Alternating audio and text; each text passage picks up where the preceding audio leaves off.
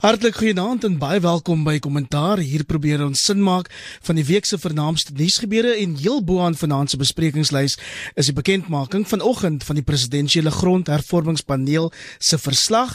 Wel eintlik is dit twee verslae want kort na minister Toko Didiza se media konferensie het twee van die paneellede, Nick Serfontein en Dan Creek, hulle eie verslag met alternatiewe standpunte bekend gestel.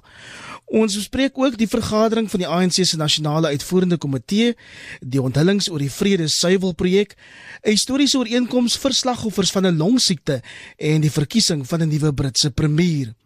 Op die paneel is drie politieke ontleeders. Dis professor Amanda Gous van die Universiteit Stellenbosch. Naansie Amanda. Goeienaand Iver en goeienaand aan die luisteraars. Professor Andrei Dievenage van die Noordwes Universiteit. Naansie Andrei. Goeienaand Iver. Asook Roland Henwood van die Universiteit van Pretoria, Nancy Roland. Goeienaand alweer.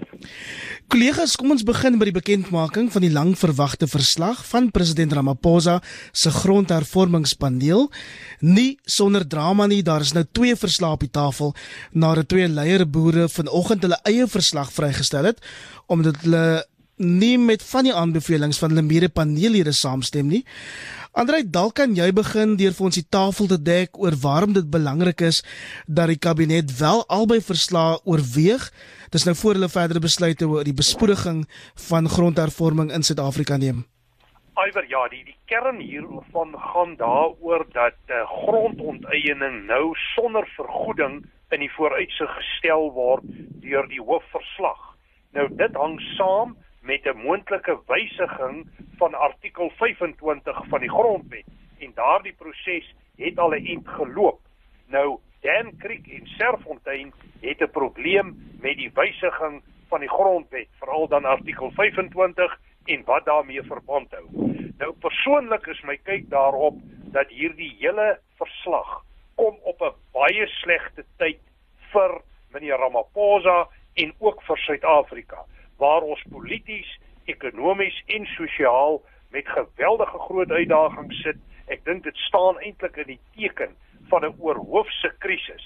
As jy nou maar net kyk wat op talle terreine uitspeel, Eskom, plaaslike regering, onstabiliteit, 'n ekonomie wat nie groei nie, onstabiliteit in die Kaap en talle plekke. So kan jy aangaan. So hierdie verslag, dink ek se tydsberekening kom nie goed nie dit is ook moeilik om vir meneer Ramaphosa om dit te hanteer ten opsigte van die faksiegevegte binne die ANC want ons moet onthou dat hierdie saak is 'n uh, is iets wat kom uit die nasionale konferensie van die ANC van einde 2017 waar dit baie laat ter tafel gelê is nadat meneer Ramaphosa as president van die ANC verkies is. En onmiddellik moes hy die saak op 'n wyse hanteer en ons weet dis 'n baie kontroversiële saak. My my oordeel is dat die tydsberekening te sleg is en dat uh, dit moeilik bestuurbaar en hanteerbaar gaan wees binne die breë politieke konteks. Amanda, volgens die adviespaneel se verslag van 144 bladsye, kan grond reeds onmiddellik sonder vergoeding onteien word. Op grond waarvan ondersteun die paneel dan 'n wysiging aan die grondwet?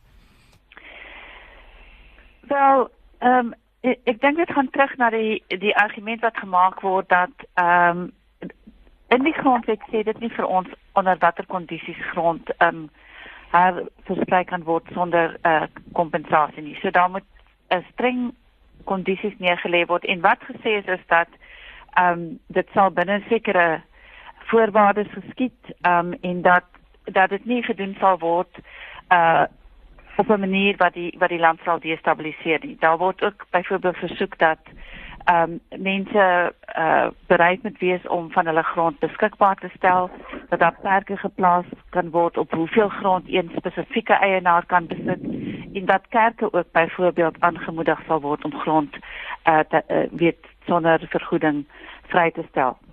So Ehm um, ek is nie so seker dat dit uh moeilik bestuurbaar gaan wees vir die vir die president nie.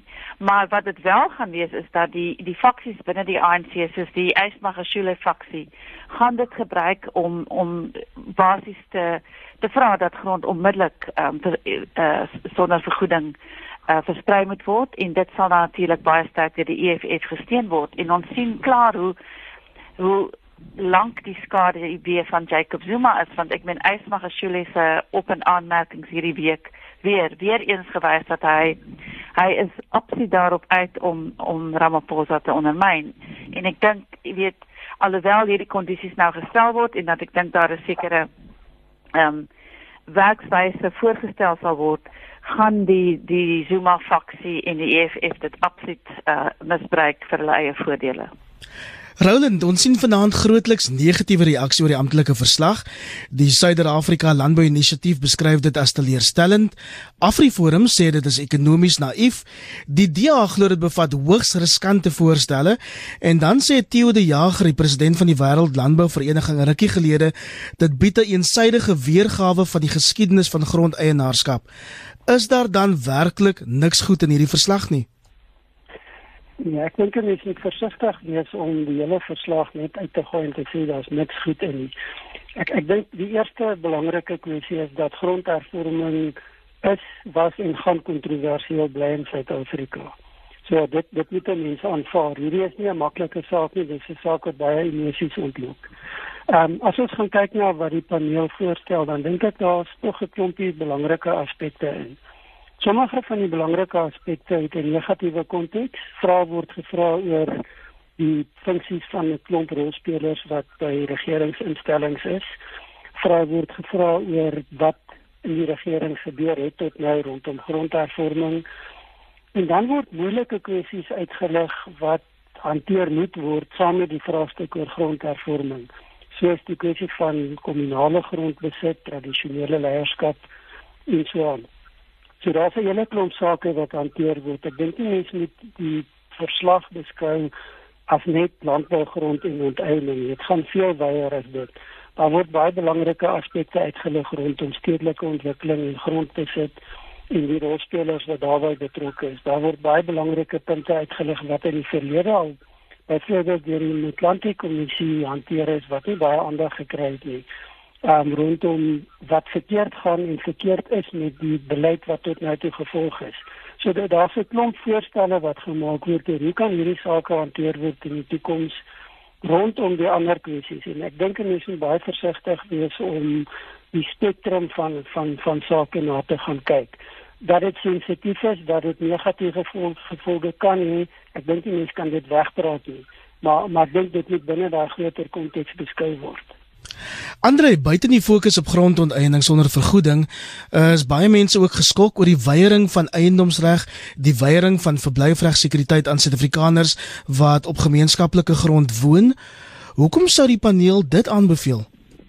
Wel, uh, ek dink daar is 'n paar redes. Daar daar is maar kommer uh oor 'n gebrek aan beheer ten opsigte van eienaarskap. En ek dink dit gaan daaroor dat uh, die staat probeer om sy invloed te sprei in terme van beheeruitoefening ten opsigte van eienaarskap. Dit is uiteraard so dat verblyfreg ook baie sterk uitgebrei word op bestaande grond en die regte daarvan verskans word op maniere daar's baie sterk optrede teen uh on, onwettige of onredelike uitsettings. Moet ek eerder sê so, dit is maar 'n poging in die breë om 'n tipe van 'n sosiale ingenieurswese toe te pas en ek moet sê dit ek het kommer daaroor veral ten opsigte van die besluite rakende die Inkwavuma Trust en hier raak ons 'n baie baie sensitiewe situasie. Ek dink dit is polities plofwaar en ek dink koning Goodwill Swelithini het in die verlede sterk kapsie gemaak en ek verwag weer dat daar kapsie gemaak gaan word en ons weet op die oomblik is die politiek in KwaZulu-Natal baie vloeibaar, gewelddadig en onstabiel. So ek dink hier 'n klompie uitdagings in die verband. En ek moet sê my breë kommer is en ek dink dit is ook hier genoem vanaand dat die die geskiedenis van grondhervorming en grondeienaarskap in Suid-Afrika is baie kompleks en Galema Motlanthe het gewaarsku om hier te verander sonder meer kan jy konflik genereer op talle punte en ek is bekommerd dat 'n land wat reeds relatief onstabiel is en daai onstabiliteit versleg nou hierdie saak moet probeer bestuur en hanteer en ek dink die hele kwessie van verblyfreg en die regte in die verband moet binne daai breë raamwerk verdiskonteer en verstaan word. Amanda by Sondag huiswerk was om 144 bladsye van die grondhervormingspaneel deur te lees en dan ehm um, Nick Sarfontein dan Kriek se verslag is meer as 200 bladsye. Ek het nog nog nie alles daar gelees nie. Maar een ding wat my op, opgeval het in die amptelike verslag is die feit dat die paneel aanbeveel dat grondhervorming eerder deur die president se kantoor self hanteer moet word en nie die ministers nie met ander woorde. En hulle sê ook prontuit dat hulle ernstige twyfel het oor die staat se vermoë om grondhervorming teen 'n redelike pas te implementeer. Jou reaksie daarop? Ja, ek, ek dit is baie interessant. Ehm um, want ek dink die die groot rede daarvoor is natuurlik dat ehm um, dit dan direk eh uh, die die mag in die president se hande plaas om om sekere besluite oor grond te neem en dat dit dan nie deur eh uh, minister Tokodisa ehm um, hanteer sal word nie. Maar ek dink dit is ook korrek om te sê dat dit is weet dit is 'n baie moeilike situasie en en soos Andre ook nou uitgewys het byvoorbeeld met die Nkoyama Trust daar word aanbeveel dat dit byvoorbeeld ontbind word en op 'n ander manier bestuur word. Maar die Communal Land Rights Act eh, byvoorbeeld gee baie mag aan tradisionele leiers oor hoe grond uh, vers, versprei word onder die gemeenskap en wie die beheer uitoefen en so aan. Met ander woorde, as jy die grondwet verander, moet jy dan ook al die wetgewing verander wat reeds van toepassing is op grond. En dit is 'n lang en tydsame proses. So om met ander woorde dan die mag in die kantoor van die president te sit, beteken dat daar heel moontlik op 'n ander wyse uh dit hanteer moet word eerder as om die lang en omslagtige pad deur wetgewing wat deur die parlement gemaak moet word te gaan. Maar ek dink nog steeds dit is baie riskant en soos ehm um, ander ook gesê die geskiedenis is baie kompleks en dit mag allerlei konflik veroorsaak wat, wat ons nie eens op die oomblik antisipeer nie. En ek dink Ramaphosa is baie deeglik bewus daarvan. Ehm um, en en en ook heel moontlik die rede vir die die verwysing na sy na sy kantoor as die plek waar die mag dan gesetel gaan wees oor grondverspreiding. Roland, ons het hierdie week gesien dat die nasionale vergadering 'n nuwe multipartytjie aangestel het om seksie 25 van die grondwet te bekyk. Hulle moet eers op die 31ste Mei 2020 daaroor verslag doen. Lees ek die lyne reg? Het die regering nou hierdie hele gesprek met nog 'n jaar aangeskuif, uh, moontlik om tyd te koop of hoe lees jy dit? Ek dink dit is 'n kombinasie van tyd koop, maar ook 'n realistiese tydlyn of 'n realistiese tydlyn wat gestel word as dit in die vorige parlement die in die die um, optrede bepaal het. Jy gaan nie hierdie saak in al sy kompleksiteite en al die verwante aspekte maklik afhandel en vinnig afhandel nie. Die belangrike punt ook is dat dit nie die toets van konstitusionalisme weerstaan nie. En dit beteken jy moet jou huiswerk baie deeglik doen. Jy moet sorg dat jy soveel as moontlik voor die tyd klaar maak dat jy alles hanteer wat hanteer moet word. Want indien jy dit nie doen nie en die saak kom vir die konstitusionele hof en daar word tekortkoming gevind, dan stop die proses. En dan is jy weer in 'n volgende siklus en waar jy weet met ehm um, die proses basies van vooraf moet aanvoer. Ek dink nie dit gaan werk nie. Ek dink dit gaan goed afgaan nie. Een van die belangrike goed wat deurgaans hier bestuur moet word is dat die die emosionele verwagtinge en die reële verwagtinge van mense staan nie stil nie. En dit is deel van die druk wat rondom die hele grondkwessie opgebou het. Dit moet hanteer word, dit moet op so 'n manier hanteer word dat jy nie verdere frustrasie en ontevredenheid skep wat 'n proses tot gevolg het wat buite om die formele prosesse begin plaasvind nie. Ons sien reeds elemente daarvan in sekere dele van Suid-Afrika en dit hou niks goed vir niemand in nie. So dis 'n komplekse proses, dit gaan tyd vat. Dit moet ordentlik hanteer word en dan baie belangrik, daar gaan met baie mense gesprek gevoer moet word in die hantering van hierdie proses vorentoe. Die ding wat geen regering kan bekostig nie is om beduidende sektore van belanghebbendes in die proses tot so mate te vervreem dat hulle die rug toe keer en wegstap. Want dan is jou proses van die begin af gedoen om nie te werk nie. Andre Moody's het 'n paar dae gelede gewaarsku dat swak implementering van grondhervorming kan lei tot verlies aan beleggersvertroue in Suid-Afrika, toename in probleemlenings, probleemlenings skies en die opdroging van finansieringsbronne. Wat is jou raad aan die kabinet aan die hand van van Moody's se waarskuwing? Iwer, ek dink as ons die groter uh, finansiële ekonomiese prentjie in oënskou neem, dan sien ons ons is nou weer afgegradeer deur nog 'n maatskappy. Ons het gesien die IMF e plaas ons groeikoers, ek dink is op 0,6% vir die jaar. Ons hoor gerugte van groot afdankings wat gaan plaasvind nie net in die private sektor nie, maar ook in die staatssektor. Nou beklemtoon dit vir my een saak en dit is ons kan nie nou uh, besluite neem wat beleggers vertroue gaan skaad. En ek is bevrees die verslag waarvan ons nou die hele tyd praat, is 'n verslag wat ongetwyfeld nie beleggingsvertroue gaan aanhelp. En om aan te sluit by Roland, ek is nie oortuig dat meneer Ramaphosa 'n volledige inkoop het in hierdie proses en die wysiging van artikel 25. Ek dink as hy sy sin kon kry, sou hy waarskynlik hierdie hele saak probeer hanteer het binne die raamwerk van artikel 25 van die grondwet. En ek dink hy koop wel 'n bietjie tyd om die proses te lees en vorentoe te beplan. Maar my raad sou baie duidelik wees vir die kabinet. Ek dink die verslag uh, dui nie die regte rigting aan nie. Daar's groot risiko's in hierdie verslag en iewerster moet daai verslag terugverwys word vir hersiening en herbeoordeling in terme van die strategiese uitkomste wat verwag kan word. Want in kort as jy 'n uh, eiendomsbesit in gevaar stel, dan tas jy die wese van beleggingsvertroue tas jy aan. En ons het oor die week as 'n uitkoms van Pieter de Tooy se boek ook gelees wat Johan Rupert se denke in die verband is. En ek moet eerlik sê, Johan Rupert is een van daardie persone vir wie ek groot waardering het wat ek dink 'n groot bydrae gelewer het tot ekonomiese ontwikkeling en bereid was om terug te ploeg in die land.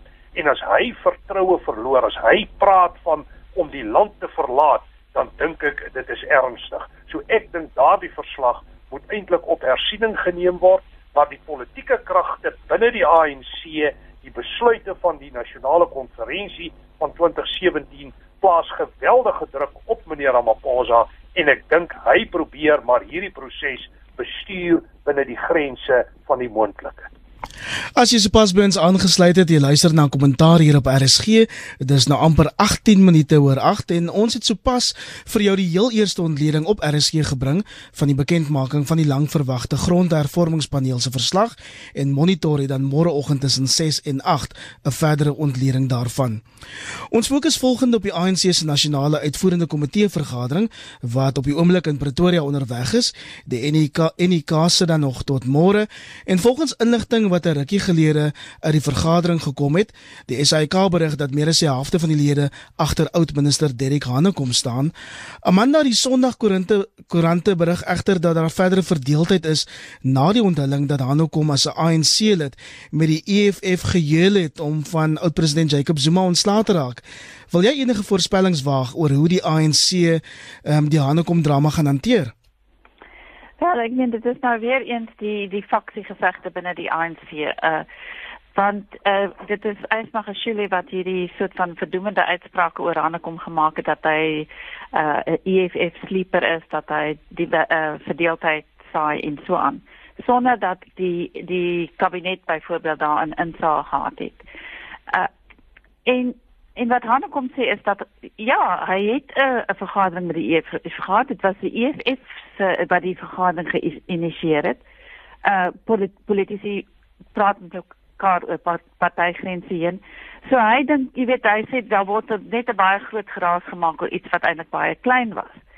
Maar die punt is dat ehm um, Hanne kom met die vertroue van Ramaphosa en dit gaan beteken dat die die Magashule kamp gaan dit nie los nie. Ehm um, en wat nou gevra is is dat of wat wat Ramaphosa gesê het is dat daar 'n gesprek met haar kom gevoer word, maar daar gaan nie 'n dissiplinêre uh aksie wees nie.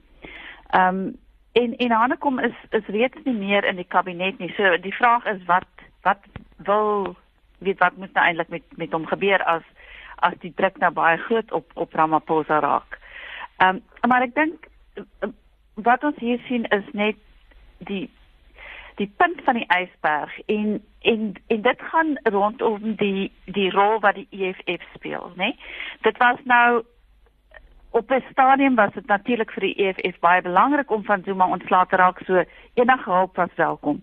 Nou het hulle 'n ander agenda, met ander woorde, hulle kan nou vir vir Hanekom um, in die lag hang om om uit te droog. En dit is die die probleem van die EFF. Dit is nie betroubaar nie.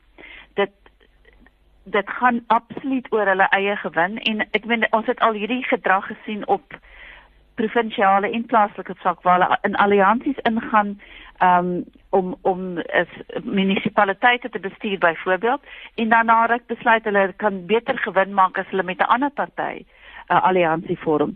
So hulle is die hele tyd besig om poli uh, politieke onstabiliteit te stook en ek dink vir my is dit die die die die vraagstuk moet baie meer gaan oor waarmee is die EFF besig eerder as oor weet Magashule en Hanekom en en die faksiegevegte binne die ANC.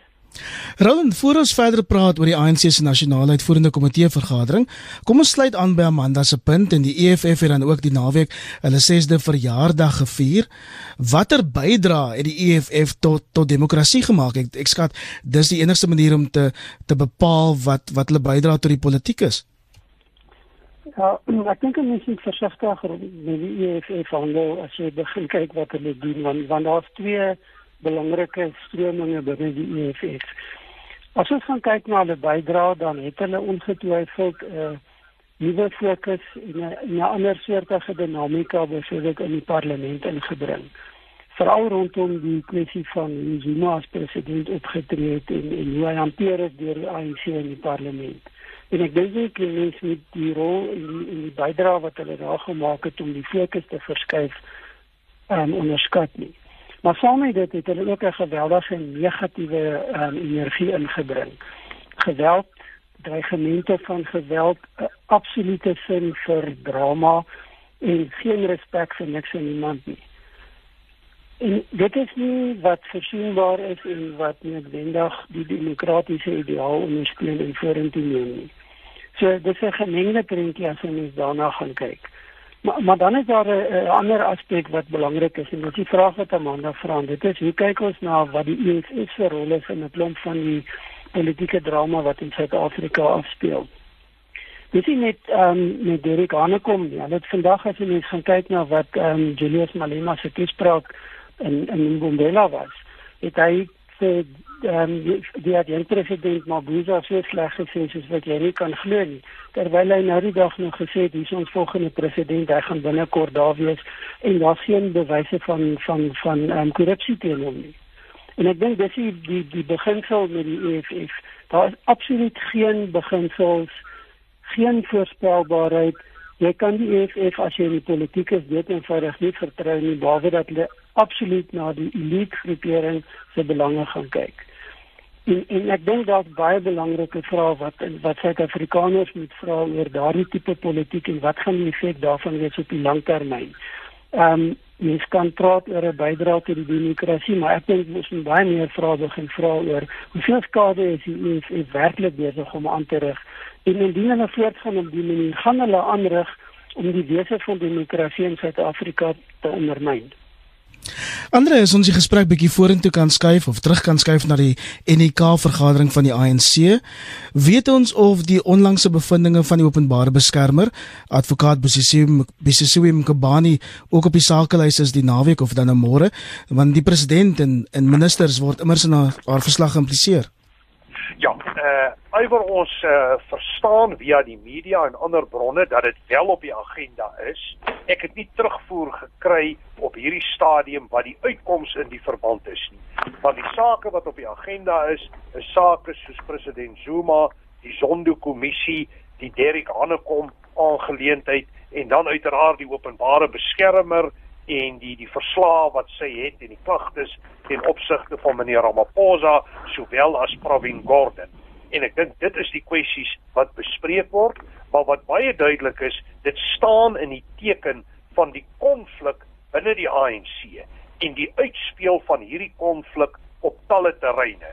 En wat ek op hierdie stadium lees, is dat meneer Ramaphosa en dit is in die media gerapporteer, 'n redelike sterk standpunt in die verband ingeneem het. Die feit dat daar nie teen Derek Hanekom te direk opgetree is nie, is vir my 'n aanduiding dat meneer Ramaphosa wel beskik oor die sterkste steun en dit is vir my 'n aanduiding dat Bosiswe Maqwebane se posisie dalk op die kort termyn heelwat moeiliker gaan word. My indruk is dat die sake wat sy stel teen beide Ramaphosa en Pravin Gordhan is nie baie sterk sake nie en dat sy toenemend gesien word as 'n politieke rolspeler in die belang van uh, ra, ra, nie van Ramaphosa nie van Zuma en Ismagashule haar dinge doen en in daai sin is sy redelik kontroversieel op hierdie stadium. Nou ek verwag nie dat ons te veel uitkomste van die UNK môre of oormôre sal hoor nie. Ek verwag dat hulle maar bloot gaan sê hulle het 'n klomp sake bespreek, maar ek dink die posisie van Bosiswe Maqwebane gaan baie moeiliker word in die komende weke. En die ANC woordvoerder het 'n rukkie gelede laat weet dat die party eers Dinsdag die uitkomste van sy vergadering aan die publiek sal bekend maak. Wat hulle gaan bekend maak, sal ons moet wag en sien. In ander nuus, die Vrede Suiwel projek in die Vrystaat was hierdie week die fokus by die Zondo-kommissie. Getuienis van verbreekte beloftes, verlore miljoene, selfs doodsdreigemente het aan die lig gekom. Roland, tot dusver het 7 mense oor die Suiwel projek getuig inderdaad braaf want daar heers duidelike kultuur van vrees. Baie mense is eenvoudig te bang om te getuig oor wat werklik gebeur het. Jou reaksie op die getuienis die week? Ja, ek dink wat ons sien is 'n voortsetting van die patroon wat ons nou by die Zondo-kommissie oor tyd sien ontwikkel het en dit is dat daar redelik sterk getuienis gelewer word op strafwekkende getuienis gelewer word. Ehm um, baie van dit wat gesê word is 'n bevestiging van wat reeds in die ehm um, publieke domein beskikbaar is maar ek dink tog belangrik dat 'n mens bietjie meer detail kry. En veral rondom hierdie saak is daar baie gedetailleerde getuienis wat gelewer word. En dan vir my interessant as ons gaan kyk dat die ehm um, adjunkregter en um, Zondo adjunkregter president Zondo wat nogal hier en daar baie duidelik laat blyk sy gevoelens en sy waarnemings anders as tot dusver waar hy baie ehm um, meer terughoudend was, hy baie spesifieke kommentaar lewer en opmerkings maak wat aandui dat hy nogal geskok en en hy spesifieke goed begin uitlig wat in hierdie getuienis vorendag kom. Amanda, die voormalige Vrystaatse premier Ysmagashule, asook die huidige ANC sekretaris-generaal Mosebenzi Zwane, het in hulle afwesigheid geskitter en daar is deur regter Zondo ehm um, vrae gevra oor hoekom die nasionale vergadering ook die provinsiale wetgewer nie hulle oorsigrol in hierdie verband vervul het nie. Ja, en ek meen dit is eh, dit is die groot eh, vraag wat mense vra dat hierdie twee is eh, word baie diep uh ge uh, implicated in in in die die hele saak van die vrede uh situasie. In en dit sê vir ons iets oor hoekom daar hierdie faksiegevegte binne die ANC is want op een of ander manier ehm um, moet daar opgetree word. Ehm um, veral as ons nou kom aan die einde van die die Zondo uh, ondersoek en die feit dat daar dan uh, sekerlik aanbevelings sal wees. Hulle twee hulle uh, is nie verskyn nie, maar die die die groot vraag is dan hoekom het die uh is daar nie oorsigfunksie was daar nie oorsigfunksie uh gewees nie. En en dit staan net in die groter konteks van uh staatskaping, nee, daar was onder Zuma baie min oorsigfunksie oor 'n hele klomp goed gewees. Um en ons sien dat hierdie mense absoluut gewetenloos opgetree het. Um die die feit dat daar 'n hele kultuur van vrees is dat um jy weet die geld op so baie uh ooglopende manier gebruik is vir doeleindes waarvoor dit nie bewillig was nie en dat hulle weggekom het daarmee. En dit is hoekom ek dink um as mense in die in in daai faksies wat nou nog oor is binne in die regering. Uh as as hulle aan die kaak gestel word, beteken dit dat baie van hulle kan tronk toe gaan. Met ander woorde, dit is ook die die lewenslyn wat hulle nou het uh in die regering waarvoor hulle gaan veg en hulle gaan baie vuil veg en ons sien dit nou reeds met met eis se optrede. So ons kan net verwag dat dit erger gaan word, dit gaan nie beter word nie. Andre, die een groot afleiding in die meeste van die getuienis voor regter Zondo is dat mense hopeloos te lojaal is aan 'n politieke party en nie noodwendig die mense wat hulle ingestem het nie. En regter Zondo se kwelling is duidelik. Hoe kon die mense van die Vrystaat eenvoudig op so groot skaal in die steek gelaat word? Wel iwer die verklaring daarvoor lê in die rol wat Ysmagashule in die Vrystaat gespeel het oor die laaste dekade, twee dekades. Hy was al sedert die 90er jare voorsitter van die ANC. Hy het sy invloed sistematies uitgebrei op elke terrein van die staat en die provinsiale sektor en dit was letterlik nie moontlik om teen hom op te tree nie. Hy het invloede gehad op elke terrein want ek het nou kontak gehad met die Vrystaat politiek en ek ken ook vir Dr. Roy Jenkinson persoonlik. Ek het baie met hom gesprek gehad as oud kollegas by die Vrystaat en daardie korrupsie sake het net nie gevorder. Die goed hak vas, dit word nie ondersoek nie, dit word gestop en dan natuurlik was daar steunpunte hoër op in die stelsel na die nasionale vervolgingsgesag toe en uiteindelik het dit 'n netwerk van korrupsie geword en was dit ook so dat jou ANC-lede baie nou betrokke was by daardie korrupsie uh, en daardie netwerke in um, Msebenzi Tswane is maar een voorbeeld in die verband. Maar wat duidelik is, die saak word nou in die oop gestel en veral die koneksie dat die geld geloop het van die Justina melkprojek na die Gupta troue toe blyk problematies te wees. Maar ek dink Amanda is heeltemal reg Ysmagashule is nie 'n ou wat jy vat sonder handskoene nie. Hy gaan definitief terugbeklei en ek dink meneer Ramaphosa gaan nog met 'n klompie moeilikheid te maak hê voor die einde van die jaar.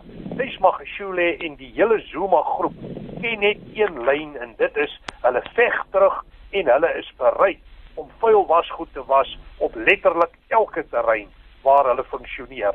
En ek moet net so 'n laaste opmerking sê, ek dink die hele Erik Hanekom situasie is eintlik maar 'n poging van die Ysmagashule kamp om half die aandag weg te fokus van die groot probleme na 'n individu toe. En dit is deel van die kultuur wat uit die ou bevrydingsstryd kom om vyande te identifiseer en dan op hulle te fokus. So hierdie goed is alles deel van 'n groter konflik en 'n groter magspel en ek dink meneer Magashule is die sleutelpersoon wat staan teen meneer Ramaphosa en ek dink nie hy het al al sy kaarte gespeel nie. En van die politiek tot oorwinning in die Hooggeregshof, 'n skikkingsooreenkoms van 5 miljard rand is Vrydag goedgekeur vir slagoffers van silikose. Die ooreenkoms is tussen duisende mynwerkers, afhanklikes, afhanklikes en ses groot mynmaatskappye. Roland, dis nie aldag dat 'n klasaksie in Suid-Afrika slaag nie, en dis sekerlik een van die mees komplekse veelparty klasaksie sake wat nog in hierdie land beding is. Wat beteken dit alles vir die myners? Ek dink belangrik is dat die feit dat so 'n klasaksie wel geslaag het, dui aan dat daar tog 'n manier is om selfs terugwerkend te gaan kyk na spesifieke aspekte. Net ons kyk hier na 'n saak wat teruggaan in terme van die mense wat geraak word in die middel 60er jare. So dis nie 'n 'n 'n korttermyn ding nie, dis 'n komplekse saak wat jy reg na verwys, maar die belangrike is dat mense wat vir 'n baie lang tyd basies in hulle eie lot oorgelaat is, nou op 'n manier darm 'n vorm van vergoeding kry en dat van die van die nasate van hierdie mense op 'n manier vergoeding kry wat gaan bydra om hulle dinge bietjie makliker te kan maak. Um, kompleks in die sin dat dit so groot klomp mense is wat betrokke is en dan ook die omvang daarvan in terme van die geldwaarde. Dit is 'n groot klomp geld wat betrokke is maar definitief 'n baie belangrike ontwikkeling in terme van nie net regsproses nie, maar ook binne die konteks van arbeid en veral binne die konteks van mynwese waar baie lank tyd baie min vir hierdie mense gedien is wat met hierdie siekte toestande gesukkel het. Amanda ons het nie eintlik 'n kultuur van klasaksies in Suid-Afrika nie. Ek weet 'n ruk terug is daar ook gedreig met 'n klasaksie na aanleiding van die listeriose voorvalle. Wat beteken Richard Spoor se oorwinning vir die toekoms van klasaksies in hierdie land? Wel ek dink dit is 'n 'n baie belangrike oorwinning want dit beteken dat as mense bereid is om om hierdie sake aan te vat. Ehm um, en in hierdie geval was dit was 'n baie dit het baie lank geneem. Maar ehm um, veral as dit gaan oor die eksploitering van werkers en die omstandighede waarin mense werk en waar die arbeidswetgewing uh, hulle nie genoeg beskerm nie. Ehm um, dan dan kan jy wel 'n oorwinning in die hof hê en ek dink dit dit stel dit skep 'n presedent dat ons het nou hierdie oorwinning en ek dink dit behoort vir al vir die mynwese 'n aanleiding te wees dat jy weet hulle moet baie meer dink oor hoe hulle hulle werkers uh, beveilig wanneer hulle veral um, in in gevaar, gevaarlike omstandighede werk. Uh en jy weet as ons byvoorbeeld ook gaan kyk na een van die groot probleme rondom die Marikana situasie was die die omstandighede die die uh behuising van mynwerkers was absoluut uh tragies geweest. Dit was so sleg. Dit was nie uh werklik uh mense behoort in sulke omstandighede te leef nie. Nou as mens as as jy nou uh weet 'n klasaksie saak wil maak rondom so iets byvoorbeeld. Mens weet nie of dit sal slaag nie, maar daar is dus nou die die president geskep dat dit dat klasaksie sake tog suksesvol kan wees. Vinnige gedraai in die buiteland, premier Boris Johnson van Brittanje het dadelik ingespring in die kabinet wat hy die week van Theresa May geërf het, uitmekaar getrek, verskeie ministers afgedank. Andre baie kortliks, Johnson het duidelik Brexit ondersteunings in in hulle plek aangestel. Hoe lyk die pad vorentoe? Wel ek dink uh, meneer Johnson het waarskynlik een van die moeilikste take wat 'n Britse premier kan hê en dit is om daai hele Brexit saak te probeer deurtrek. Die volgende 100 dae gaan baie krities wees vir meneer Johnson. Wat natuurlik interessant is, is sy hele styl en hele metodiek wat eintlik baie sterk in konflik is met die Britse tradisies en konvensies. So dit sal interessant wees om te sien watter lyn hy hier gaan loop en wat hy kan regkry wat die vorige premier nie kon regkry. Ek dink daar wag 'n redelike moeilike tyd en natuurlik daarmee saam as ek net een lyn kan trek ek is nie heeltemal seker of hy noodwendig die inkoop gaan kry van ander groeperinge soos die skotte soos die Ire en soos die Wallisers nie. Want ook daar begin elemente van 'n identiteitspolitiek sterker na vore te tree. So ek dink hy sit met uitdagings. Hy moet die Britse ekonomie aan die gang kry. Hy moet markte definieer wat verlore gaan in terme van die Europese Unie koneksie. Ek kan ook maar sê soos vir meneer Ramaphosa, ek dink ek wil nie baie graag in hulle skoene staan op hierdie stadium nie. Roland Johnson beloof dat Brittanje teen die 31ste Oktober van hierdie jaar nie meer 'n lid van die Europese Unie sal wees nie. Kortliks jou reaksie? Ja, sy argument is dood eenvoudig ons is uit die Europese Unie met of sonder 'n ooreenkoms. En dan het daar aanduidings dat die regering een van sy um, bondgenote het vandag dit gesê.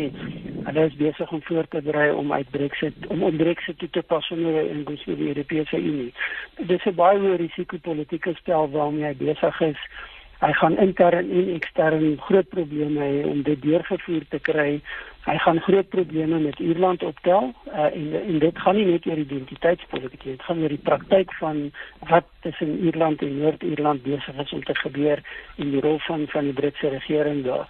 So 'n baie moeilike pad om te loop en en die Britte het nog geen idee van wat kom na Brexit nie. Hulle het nog nie daaroor begin praat nie. Amanda, hou Johnson se verkiesing enige voordeel vir handelsbetrekkinge in Suid-Afrika aan? Ons het nog so 30 sekondes. Wel, ehm um, ek twyfel. Ek weet ek dink dat die die fokus is nou op die oomblik op op Brexit en en hoe Johnson uh, gaan op, gaan optree. Ek dink ons moet baie meer kyk na die populisme dat hy is baie soos Trump en dat dit, jy weet, daar word allerhande besluite geneem oor allerhande goed soos soos wat dit uh, vir Trump pas en soos wat dit vir, vir Johnson gaan pas en ek daar's geen sistematiese beleid uh, ek dink wat gevolg word nie so ek ek twyfel of Suid-Afrika hoog op die agenda sal wees. Kollegas, dis tyd om te groet hier op kommentaar. Die tyd het ons ingehaal. Baie dankie aan die paneel, professor Amanda Gous van die Universiteit Stellenbosch. Nancy Amanda. Goeie goeienaand. Professor Andre Dievenage van die Noordwes Universiteit. Dankie Andre. Dankie Iver. En Roland Henwood van die Universiteit van Pretoria. Nancy Roland. Dankie Iver, totsiens. My naam is Iver Price. Volg my gerus op Twitter. Intussen groet ek tot volgende Sondag aand.